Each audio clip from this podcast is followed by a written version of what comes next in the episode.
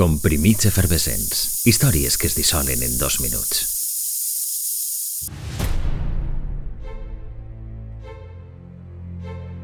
Era un home templat, de 58 anys i no se li parava una mosca damunt. Presumit en extremis canviava de roba a tota hora, però sobretot li agradava atendre visites, particularment si eren femenines i l'esperaven en el Saló Blau de l'Elisi. Ara bé, el destí li preparava una macabra sorpresa a l'impetuós Félix Fauré. Un 16 de febrer, tot un president de la República Francesa moria d'una apoplegia mentre mantenia relacions sexuals. El Saló Blau del Palau de l'Elisi va veure de tot durant la seva etapa com a president. Una de les seues amants, la més freqüent, Marguerite Stengel, entrava per un accés directe des del jardí.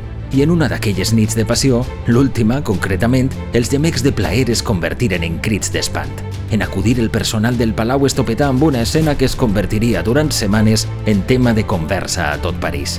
Stengel mirava de vestir-se com podia i tractava de desenganxar-se el cabell d'entre les mans del president que havia estirat la pota durant l'assumpte.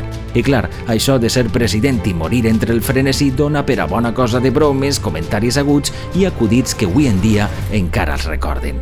No obstant, Félix Fauré no era ni seria la primera ni la última personalitat en morir de satisfacció. Vora mil anys abans, per exemple, tot un papa Lleó VII ja la va dinyar d'un infart en plena faena. Com a mínim, un i altre, com se sol dir, moriren fent coses que els agradaven, un 16 de febrer de 1899.